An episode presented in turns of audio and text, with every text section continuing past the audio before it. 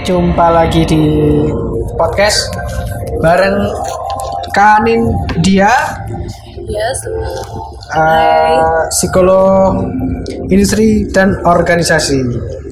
Oke kita ini kak sekarang kita ngomongin tentang kerjaan tapi yang dari sisi mahasiswa ya dari si, dari segi apa namanya mahasiswa yang baru yang yang belum pernah kerja.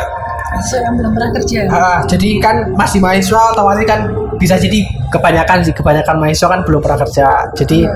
jadi in- kita ngomongin yang pertama itu tentang eh, kegiatan-kegiatan apa sih saja sih yang baiknya diikutin atau kegiatan selain kuliah ya. Kalau Iya. kuliah kan memang udah wajib gitu ya. Iya. Mulai dari awal awal masuk itu kira-kira yang bagusnya kan kalau namanya mahasiswa ya apalagi yang perantau gitu Iya. ada banyak banget pilihan ke, pilihan kegiatan Organisasi. bisa eh, bisa selain kuliah dia bisa nongkrong-nongkrong doang bisa Iya. dia bisa jalan-jalan doang bisa Ah, dia bisa banyak lah terus dia bisa ikut kegiatan eh, festival-festival atau dia Iya. ikut bisa bisnis bisa Iya. kerja part time bisa Iya. organisasi bisa nah yang paling ideal yang paling oke lah yang itu bisa meningkatkan kemampuan diri kompetensi diri itu apa kak? tergantung passionnya di mana sih. Oke. Karena dia karakteristiknya suka bergaul, suka berkenalan dengan banyak orang. Mungkin bisa jadi dia waktu memilih kegiatan organisasi memilih yang banyak berhubungan dengan orang lain, misalnya divisi humas atau divisi Ah. public relation itu. Dari segi organisasinya kesempatannya bisa dapetin di mana mungkin bisa di organisasi kampus atau NGO atau volunteering atau Oh. event-event lainnya Iya, yang iya. di luar kampus seperti itu. Tapi kalau orangnya suka kerja di balik layar, mungkin dia ikut organisasi baik itu organisasi kampus, NGO atau kerja part time atau organis pekerjaan lainnya atau organisasi lainnya yang tidak menuntut dia berhubungan dengan orang lain atau yang hanya di balik, balik layar saja. Misalnya petugas admin Hmm, atau iya. social media officer. Walaupun dia apa namanya tetap berhubungan tapi nggak nggak mengharuskan terus-terusan ketemu orang gitu kali ya? Iya betul. Terus ada juga nih misalnya orangnya yang suka mengkoordinir orang lain. Oke. Itu suka mengatur orang lain. Itu bisa di pekerjaan-pekerjaan yang sifatnya manajerial. Oke. Seperti koordinator proyek. Hmm, mungkin kalau di kampus ke ketua divisi kali Iya, atau ketua divisi. kalau ada acara ketua panitia gitu kali Iya, ya? ketua panitia. Misalnya belum kes- berkesempatan karena masih baru, Hmm, itu bisa diambil nanti ketika sudah semester ke berapa gitu. mungkin ketiga keempat itu Ya, baru ketiga, di keempat atau kelima. ya pokoknya setelah semester 2 kali ya setelah Iya, semester setelah 2 semester 2. dia baru bisa apa namanya mungkin menempati posisi-posisi Iya. strategis gitu kali ya Iya, kalau mungkin masih baru, itu em, tampilnya di koordinator-koordinator tertentu, misalnya koordinator acara, koordinator konsumsi, koordinator publikasi. Ah, iya iya iya, ya benar. Kalaupun nggak, kalaupun nggak gitu mungkin di luar kampus mungkin bisa kali ya. Iya, Untuk untuk kalau misalkan di kampus nggak ada kesempatan itu, benar-benar. Disesuaikan dengan iya. eh, tipe orangnya Iya, masing-masing. ya. sesuaikan dengan tipe orangnya. Benar-benar. Kalau misalkan nih, oh gini kak, memang kan tadi, memangnya gini kalau misalkan nggak ikut kegiatan-kegiatan itu kenapa sih? Kalau misalkan dia nggak suka organisasi nih, dia Iya. sukanya kuliah pulang, kuliah pulang, kuliah pulang gitu doang. Kan ada tau yang kayak gitu, Iya. dia pengennya wah pokoknya nilaiku bagus wis pokoknya IPK ku 3,95 misalnya gitu ya. Iya. udah apa aman lah gitu. Iya. aku males nih ikut ketemu orang-orang atur acara nggak penting lah gitu loh. Menurut dia itu nggak penting gitu. Itu gimana?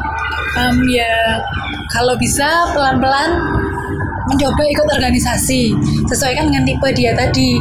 Apakah dia suka berhubungan dengan orang lain mengatur orang atau hanya di balik layar? Kalau dia nggak suka ke tem atau sukanya hanya di balik layar mending cari pekerjaan yang tidak mengharuskan kontak dengan banyak orang. Jadi kembali lagi seperti yang Iya. tadi ya. Jadi eh, memang mau nggak mau kita harus gitu ya. Iya, sebisa mungkin jangan sampai kita lulus kuliah dengan CV kosong. Ah. Iya. Ujung-ujungnya merembetnya ke ini ya, ke kerjaan lagi ya. Iya, merembetnya ke kerjaan lagi.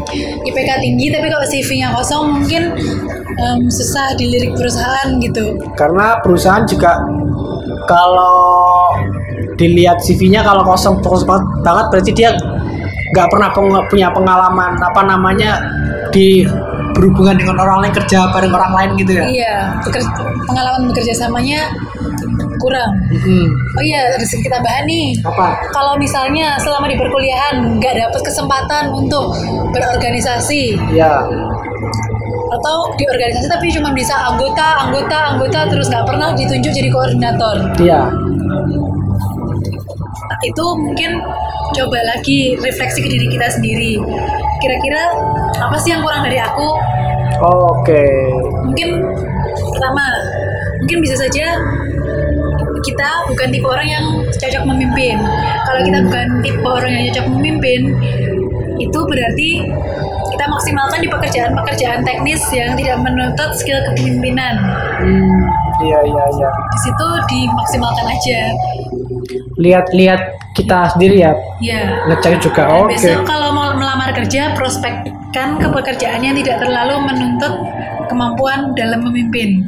Oh, jadi oke oke. Jadi kalau misalkan dia tipenya memang tipe spesialis gitu ya, bukan Iya. generalis gitu ya. Iya. Itu kita harus cari nanti pada ujungnya kerja-kerja yang memang spesialis mengerjakan satu hal tertentu gitu ya. Oh, itu juga berkaitan dengan keputusan kita nanti setelah lulus kuliah. Kalau kita mau jadi spesialis, perlu nggak sih kita lanjut ke pendidikan yang lebih tinggi? Misalnya dari D3 ke S1, atau dari S1 ke S2, kayak gitu. Oke, dilihat sesuai kebutuhan kali ya. Iya. Benar benar. Oke oke. Terus Kepe- um, skill kepemimpinan itu diperlukan di tempat kerja. iya. Tapi tidak melulu itu skill, skill kepemimpinan dalam memimpin orang lain sih. Kepemimpinan diri juga diperlukan. Misalnya kita nggak berkesempatan jadi koordinator-koordinator di kepanitiaan. Selalu anggota, anggota, anggota terus. Itu bisa saja kita maksimalkan atau kembangkan kapasitas kepemimpinan diri kita. Jadi diri anggota yang baik lah itu gitu ya. Iya, menjadi anggota yang baik. Yang berguna bagi tempat tempat dia bernaung gitu ya. Ya, ketika di kampus atau di luar kampus pun kita masih belum dapat juga kesempatan untuk jadi koordinator. Mungkin coba di lingkungan terdekat. Misalnya lingkungan di perumahan atau di kos-kosan. Oke, jadi Karang Taruna itu kali ya. Iya, jadi Karang Taruna betul sekali. Jadi koordinator. Biasanya coba menawarkan diri. Aku coba dong jadi koordinator. Ini ketua panitia ini. gitu. Acara 17-an itu kali Iya, ya. acara 17-an. Mungkin dimulai dari yang kecil-kecil dulu. Hmm, benar benar benar. Iya. Oke. Kalau nggak ada kesempatan lagi, coba lagi di ketika kerja part time. Mungkin ini kali Kak. Iya. Volunteering juga Kak. Ya volunteering. Nah, volunteering itu eh, kan kebetulan aku juga beberapa kali ikut volunteering itu juga Ya. eh, eh, tidak terlalu menuntut ini sih, menuntut kayak kepemimpinan banget gitu. Tapi kita dikasih kesempatan untuk Iya. karena kan Mengkoordinir. ah, ah, ini sih apa namanya? Pertama bukan koordinator tapi kayak kontribusi dulu, kontribusi buat Oh. si kegiatan itu. Iya. Lama-lama kalau misalkan apa namanya dia memang memang oke ya lama-lama pasti dikasih kepercayaan sih. Oke, seperti itu juga bisa. Istilahnya mulailah dari ketika kuliah kembangkan kapasitas kepemimpinanmu, baik itu mulai dari kepemimpinan diri dan syukur-syukur kalau ada kesempatan kesempatan untuk memimpin orang lain gitu. Ah iya iya benar benar. Bukan masalah kita terlalu berambisi untuk mendapatkan jabatan, tapi masalahnya adalah berkaitan dengan bagaimana kita mengembangkan kapasitas diri kita sebagai pemimpin yang nanti berguna untuk nilai tambah ketika kita melamar pekerjaan. Iya karena bagi saya eh, saya merasa bahwa kampus itu tempat kita eksperimen ya Iya, sih tempat betul kita sekali. eh, kalaupun ada kesalahan tuh pertama masih ada yang mengawasi dosen-dosen para Iya. pembina kita dan masih banyak pemakluman gitu loh kalau Iya. masih sekolah masih mahasiswa itu ya namanya masih pelajar ya otomatis kalau salah nggak apa-apa dong Iya. gitu kan. jadi dimaksimalkannya poinnya di situ Iya, dimaksimalkannya di situ. Kehidupan kita yang kita tanggung mungkin hanya diri kita sendiri. Kalau di kita sudah bekerja, kita akan lebih banyak lagi tanggungan kita sebagai orang dewasa. Misalnya sebagai pasangan suami atau istri, terus berkeluarga, terus bayar rumah, mobil, motor, terus kebutuhan sehari-hari lainnya seperti itu. oke oke benar benar benar oke kak selanjutnya Iya. eh, ini jadi tadi nyambung yang tadi berarti pada saat wawancara pun Iya. itu juga dilihat banget ya CV CV apa pekerjaan apa yang kita pernah eh, eh, organisasi apa yang pernah kita ikuti terus Betul sekali. semua selain IPK ya Iya, IPK hanya saringan pertama. Iya. Tapi pengalaman organisasi yang nantinya akan mendukung kita untuk melamar pekerjaan. Hmm, oke oke jadi itu otomatis sangat menunjang kak ya Iya, benar sangat sekali. menunjang oke kalau ini kak kan biasanya ada ini di kampus itu sering ada workshop terus seminar Iya, itu iya. penting gak sih kak Jelas sangat penting Buat karena apa? ketika kita mendapatkan pengalaman ikut seminar, terdapat sertifikat, di situlah kita dinilai kita mempunyai tambahan kompetensi. Tidak harus dari segi teknis atau praktis, tapi juga dari pengetahuan. hmm ya ya ya Iya. tambahan pengetahuan kompetensi Ya, ya minimal tambahan pengetahuan. Tapi ada juga workshop atau training atau pelatihan yang bisa meningkatkan skill kita. Oh, oke oke benar benar benar. Eh, kalau ini, hmm, seberapa ini sih kak? Seberapa menunjang sih yang nyambung tadi ya? Workshop sama workshop seminar lah, pokoknya sama kegiatan organisasi itu seberapa ngefek sih untuk keputusan kita diterima atau enggaknya? Oh ya, sangat ngefek. Sangat berpengaruh. Karena pengalaman sertifikat-sertifikat yang kita dapatkan dari workshop dengan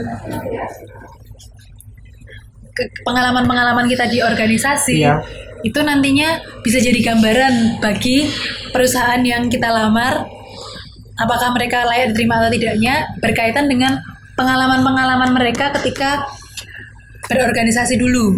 Oke, jadi di matchkan ya kira-kira. Iya.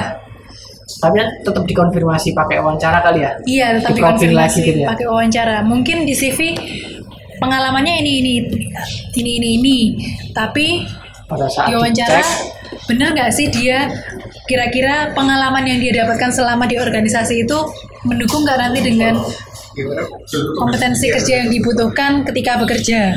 jadi sebisa mungkin kita jujur aja gitu Iya, ya, nggak perlu sosokan nambah-nambahin Iya. CV, tapi pada saat ditanyain nanti malah bingung. Iya betul sekali. Itu kaitannya dengan per- kembali lagi ke person job fit sama person organization fit. Iya, nanti kalau misalkan malah bohong, terus nanti malah kena poin minus dong gitu Iya. dari dari si uh, dari si pewawancara. Iya atau kalau sudah terlanjur diterima malah nggak cocok sama pekerjaannya. Hmm, bener juga. Nanti kita juga yang uh, apa ngerasa burn out kali ya. Iya nggak Nggak cocok sama cocok. pekerjaan atau nggak cocok sama karakteristik organisasinya. Kalau karakteristik organisasinya kita nggak cocok, akibatnya adalah kurangnya komitmen terhadap organisasi, Ah, ah, benar benar. turnover. Oh, iya, akhirnya ending endingnya ya turnover. Iya, endingnya turnover. Terus Iya, iya. perilaku kita dalam menunjang tujuan organisasi atau mendukung tujuan organisasi kurang gitu. Ya, oh ya, kalau yang belum tahu turnover itu ini resign, Iya, keluar resign. keluar dari kerjaan. Betul sekali. Oke, terus yang terakhir nih kak, eh kalau kan nggak semua nih bisa lulus tiga setengah tahun, Iya. nggak semua bisa lulus empat tahun. Iya. Kalau kan ada tuh mahasiswa-mahasiswa yang senior banget, Iya. entah itu apa pun ya, apa pun yang dilakukan di kampus, misalkan dia jadi aktivis lah, aktivis mahasiswa, Iya. oke, dia lulus sampai enam tahun, tujuh tahun, bahkan sampai enam ring, itu efeknya gimana ya kak ke kerjaan? Hmm, mungkin untuk masa studi kalau terlalu lama berpengaruh ya itu kaitannya dengan tanggung jawab. Kok nggak bisa nyelesain masa studi segera sesegera mungkin sih? Iya. tapi itu nggak bisa jadi satu indikator aja satu patokan aja. Ya lihat dulu kenapa sih dia masa studinya lama. Bisa sampai lima tahun lebih katakanlah. Hmm. alasannya karena apa? Kalau belum tentu loh alasannya karena malas bisa aja karena bekerja karena men- menunjang perekonomian keluarga Oh, kalau juga kalau karena sakit kalau misalkan alasannya karena tidak ada hal produktif yang dia lakukan berarti minus dong. iya Pokoknya minus. jadi minus Tapi kalau misalkan dia melakukan Kita mengimbanginya dengan hal Ah, produktif ah, ah. misalkan dia nggak nggak cepat lulus karena dia kerja karena orang tuanya udah nggak bisa membiayai dia lagi otomatis bisa jadi itu poin plus ya iya poin plus. Walaupun telat itu juga bukan sesuatu yang ini sih. Iya. Yang bisa dibanggakan gitu ya tapi Iya. karena dia eh, alasannya logis gitu kali ya. Iya logis dan produktif. Ah, dan bisa jadi itu uh, menunjang juga untuk Iya. untuk di CV-nya gitu ya. Iya, bisa juga kalau em, lulusnya terlalu cepat, Hmm. empat tahun atau kurang. Iya. Tapi pengalamannya kosong, itu juga menjadi nilai minus. Oke oke benar benar benar juga ya. Iya, betul sekali. Oke ya sudah itu kayaknya uh, percakapan kita dengan Kak Anin psikolog instruksi dan organisasi. Terima kasih Kak Anin jawaban jawabannya. Tadi ju- uh, semoga teman-teman di sini bisa ini ya bisa mengerti dengan mudah lah apa apa yang disampaikan oleh Kak Anin ya. Iya, Oke. semoga bisa memberikan manfaat untuk pendengar-pendengar sekalian. Oke, kita jangan lupa ya di apa? Subscribe, Di ya, subscribe dan di follow. Ada di Spotify juga, ada di Apple Podcast, ada di Google Podcast, ada YouTube. Oke. komen juga kalau di YouTube. Oke. Kalau mungkin ada masih ada pertanyaan, Oke, silakan nanti di ada ada keterangannya lah kalau ada masih ada pertanyaan bisa dikontak di mana. Oke? oke siap. Oke, terima kasih. Terima kasih kembali.